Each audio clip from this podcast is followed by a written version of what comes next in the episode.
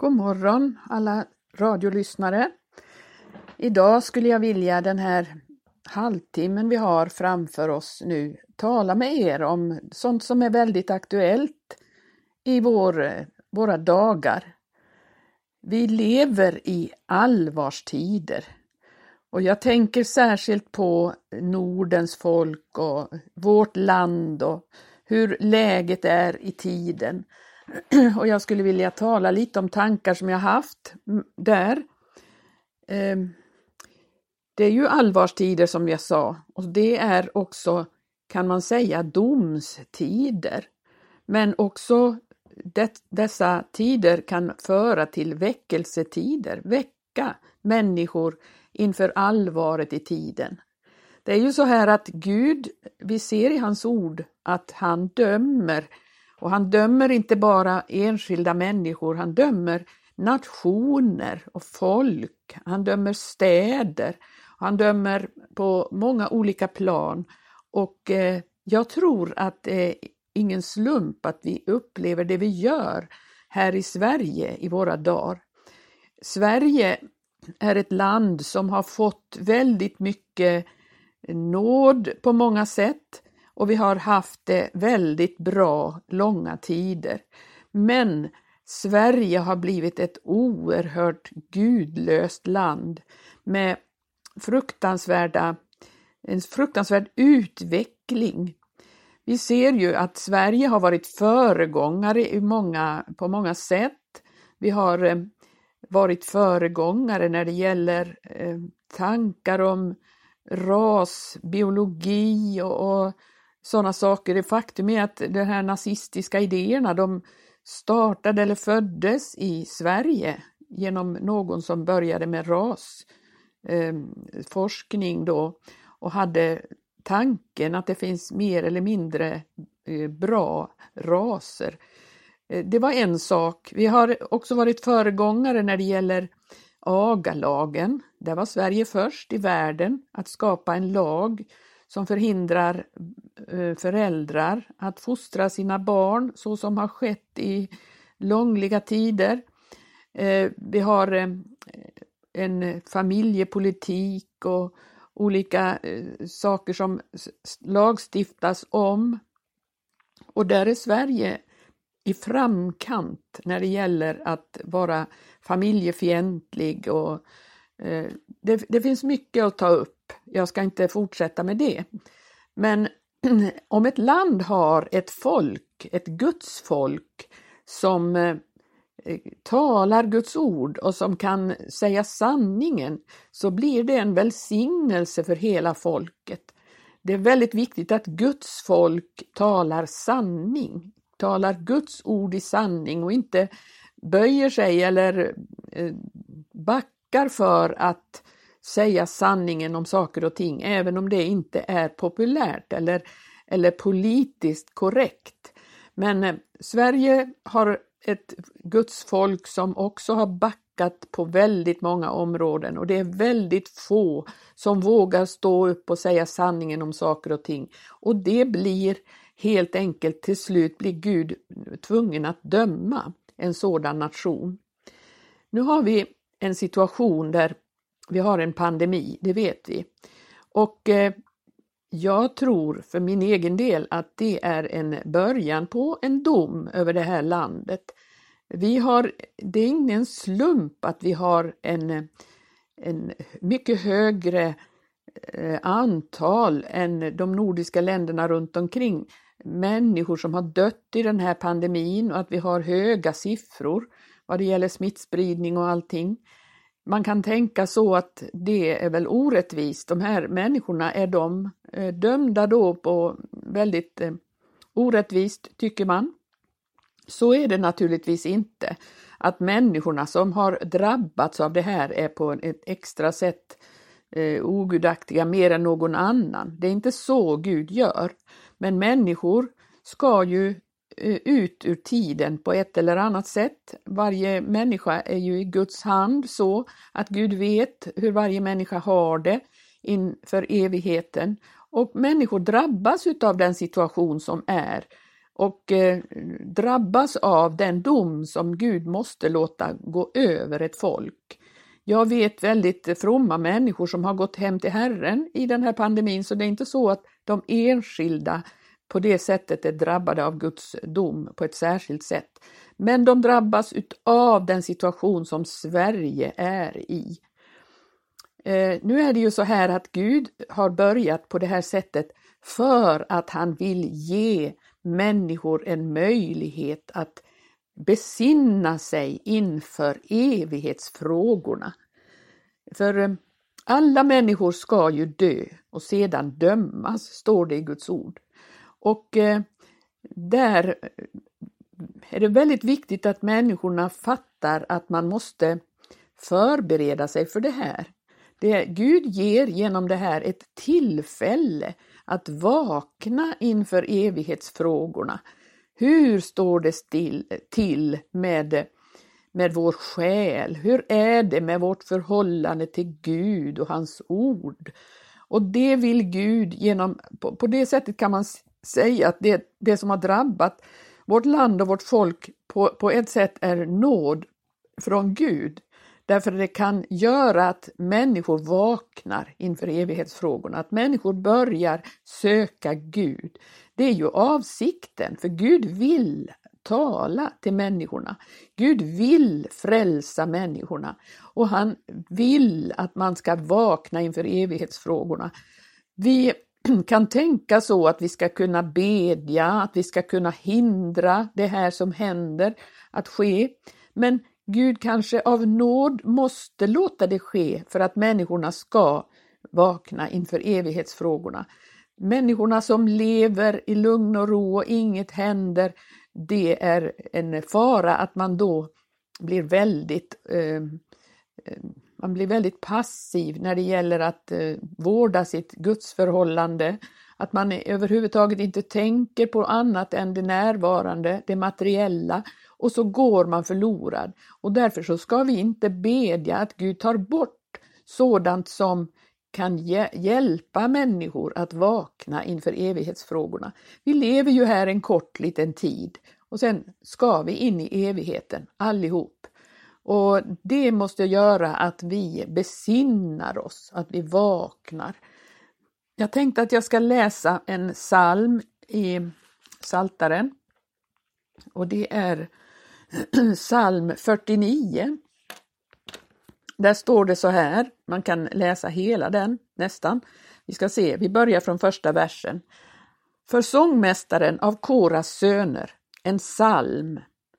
Hör detta alla folk, Lyssna här till ni alla som lever i världen, både låga och höga, rika såväl som fattiga. Min mun ska tala visdom och mitt hjärtas tanke skall vara förstånd. Jag vill böja mitt öra till lärorikt tal. Jag vill yppa vid harpan min förborgade kunskap. Varför skulle jag frukta i olyckans dagar när mina förföljares ondska omgiver mig? De förlitar sig på sina ägodelar och berömmer sig av sin stora rikedom. Men sin broder kan ingen förlossa eller giva Gud lösepenning för honom. För dyr är lösen för hans själ och kan icke betalas till evig tid, så att han skulle få leva för alltid och undgå att se graven. Nej, man ska se att visa män dö och dårar och oförnuftiga förgås lika som det. De måste lämna sina ägodelar åt andra. De tänker att deras hus skola bestå evinnerligen, deras boningar från släkte till släkte. De uppkallar jordagods efter sina namn, men en människa har mitt i sin härlighet inte ett bestånd. Hon är lik fänaden som förgöres. Ja, vi kan fortsätta. Den vägen går det, dåra som det är, och det följas av andra som finner behag i deras tal. Såsom en fårjord drives de ned till dödsriket, där döden bliver deras herde. Så får de redliga makt över dem när morgonen gryr, medan deras skepnader förtäras av dödsriket och ej få annan boning. Men min själ ska Gud förlossa ifrån dödsrikets våld, ty han skall upptaga mig. Frukta icke när en man blivit rik, när hans hus växer till i härlighet, Ty av allt detta får han vid sin död intet med sig, och hans härlighet följer honom icke dit ner. Om han och prisar sig välsignad under sitt liv, ja, om han än berömmer sig när du gör dig goda dagar, så skall dock vars och ens själ gå till hans fäders släkte, till dem som aldrig mer ser ljuset. En människa som mitt i sin härlighet är utan förstånd, hon är lik fänaden som förgöres. Så är det, den människa som är utan förstånd. Den som har förstånd, den söker Gud, den söker de eviga värdena istället för allt det materiella som människor, särskilt i våra rika länder, man söker det materiella så oerhört mycket och så använder man oerhört lite tid till att söka det som är evigt bestående. I psalm 50 så står det så här i första versen Gud, Herren Gud, talar och kallar jorden, allt mellan öster och väster. Från Sion, skönhetens fullhet, träder Gud fram i glans. Och i sjunde versen står det i psalm 50 Hör mitt folk, jag vill tala. Israel, låt mig varna dig. Gud, din Gud är jag. Och så står det i sextonde versen, men till den ogudaktige säger Gud, hur kan du tala om mina stadgar och föra mitt förbund på tungan? Du som hatar tuktan och kastar mina ord bakom dig. Så vidare. Tänk, människorna kastar Guds ord bakom sig som om de inte var någonting värda. Och i vers 22 står det, ni som förgäter Gud, märk detta, för att jag icke må sönderriva er utan räddning. Den som offrar lovets offer, han ärar mig, och den som aktar på sin väg, honom ska jag låta se Guds frälsning. Ve dem som draga och stad ner till Egypten för att få hjälp, står det i Jesaja 31. I det att de förlitar sig på hästar, de som sätter sin förtröstan på vagnar därför att det finns så många och på ryttare därför att mängden är så stor, men som ej vänder sin blick till Israels helige och icke frågar därefter. Tänk, och, och, i vers 6 där i Jesaja 31 står det Så vänd nu om till honom från vilken ni har avfallit genom ett så djupt fall. Det är så viktigt att vakna och eh, att vända sig till Gud. Nu är det tid att söka Herren. Varje människa måste se om sitt hus och se hur det är ställt. Det, den uppmaningen ger Gud till både sitt eget folk, de som bekänner sig vara kristna och de som överhuvudtaget aldrig har varit kristna eller bekänt sig. Han vänder sig till människan, sök Herren så får ni leva. Och eh, där, där är det ju så här att vi kan inte bara för det att vi kallar oss kristna vara så säkra på det, utan där måste vi se till att vi är ett sådant folk som, som känner Herren, som söker Herren så till den grad att vi lär känna honom. För det är ju så att det icke kommer var och en in i himmelriket som säger till mig Herre, Herre, utan de som gör min himmelske faders vilja. Det är ju så att många människor är övermodiga där och man tycker att jag är ju, jag är ju kristen och så tycker man att det räcker. Och jag tänker så här att vad är det som bor i våra hjärtan? Och där kan man ransaka sig själv. Vad är det som går ut ifrån vår mun? Vad talar vi om? Och det visar väldigt mycket vad är det vi har i våra hjärtan. För det står att vad hjärtat hjärtat är fullt av, det talar munnen. Och då kan vi rannsaka oss själva. Vad är det jag pratar om dagligen? Vad, vad upptar jag i, i mina tankar? Är det jord och värld och skvaller och prat om allt möjligt eller talar jag om Jesus, om hans väldiga gärningar? Är det mitt stora intresse att höra om Guds rike, om Guds gärningar, om hans ord och så vidare. Det handlar ju om vad fyller vi vårt hjärta med? Och jag tror att är det så att vår mun avslöjar oss, att vi talar om så mycket annat, så är det så här att då har vi inte rätt ställt med Jesus. Då har vi inte rätt ställt i vår, i vår själ, därför att om vårt hjärta är fyllt, ja då kommer det ut lovsång till Herren ur, ur vår mun. Och vi pratar om och, och vittnar om för människorna vad, vad det bor i våra hjärtan. Tänk att vi får var och en ansaka oss där, att vi har det rätt ställt med Herren Jesus. Och detta är de här tiderna att Gud vill verkligen komma åt att få tala med oss så att vi blir vakna inför de här frågorna. Han är god och allt vad han gör i godhet och nåd allenast. Och han också säger ju i sitt ord att hur skulle jag kunna lära dig bedja om inte genom nöd eller vad som nu har prövat din kraft, säger han på ett ställe. Nu tänkte jag att jag ska läsa lite grann i Efesebrevet.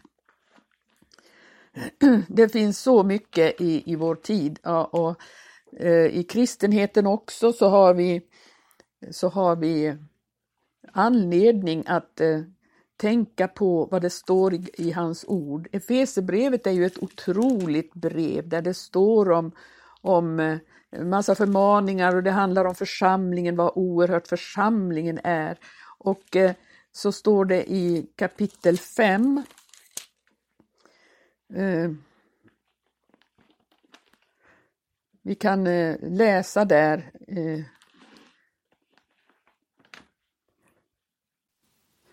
Där står det i vers 6 Eh, kapitel 5. Låt ingen bedraga er med tomma ord, ty för sådana synder kommer Guds vrede över det ohörsamma. Ha alltså ingen del i sådant. Ni var ju förut mörker, men nu är ni ljus i Herren. Vandra då såsom ljusets barn. Ty ljusets frukt består i allt vad godhet och rättfärdighet och sanning är.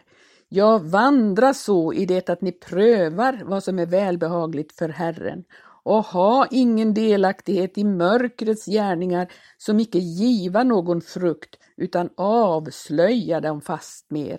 Varav sådana människor i hemlighet förövas, där är, om är det skamligt till och med att tala. Men allt sammans blir uppenbart när det avslöjas genom ljuset, ty varhelst något bliver uppenbart, där är ljus. Därför heter det Vakna upp du som sover och stå upp ifrån de döda, så ska Kristus lysa fram för dig. Se därför noga till hur ni vandrar, att ni vandrar inte såsom ovisa människor, utan såsom visa, och ta väl i akt vart lägligt tillfälle, ty tiden är ond.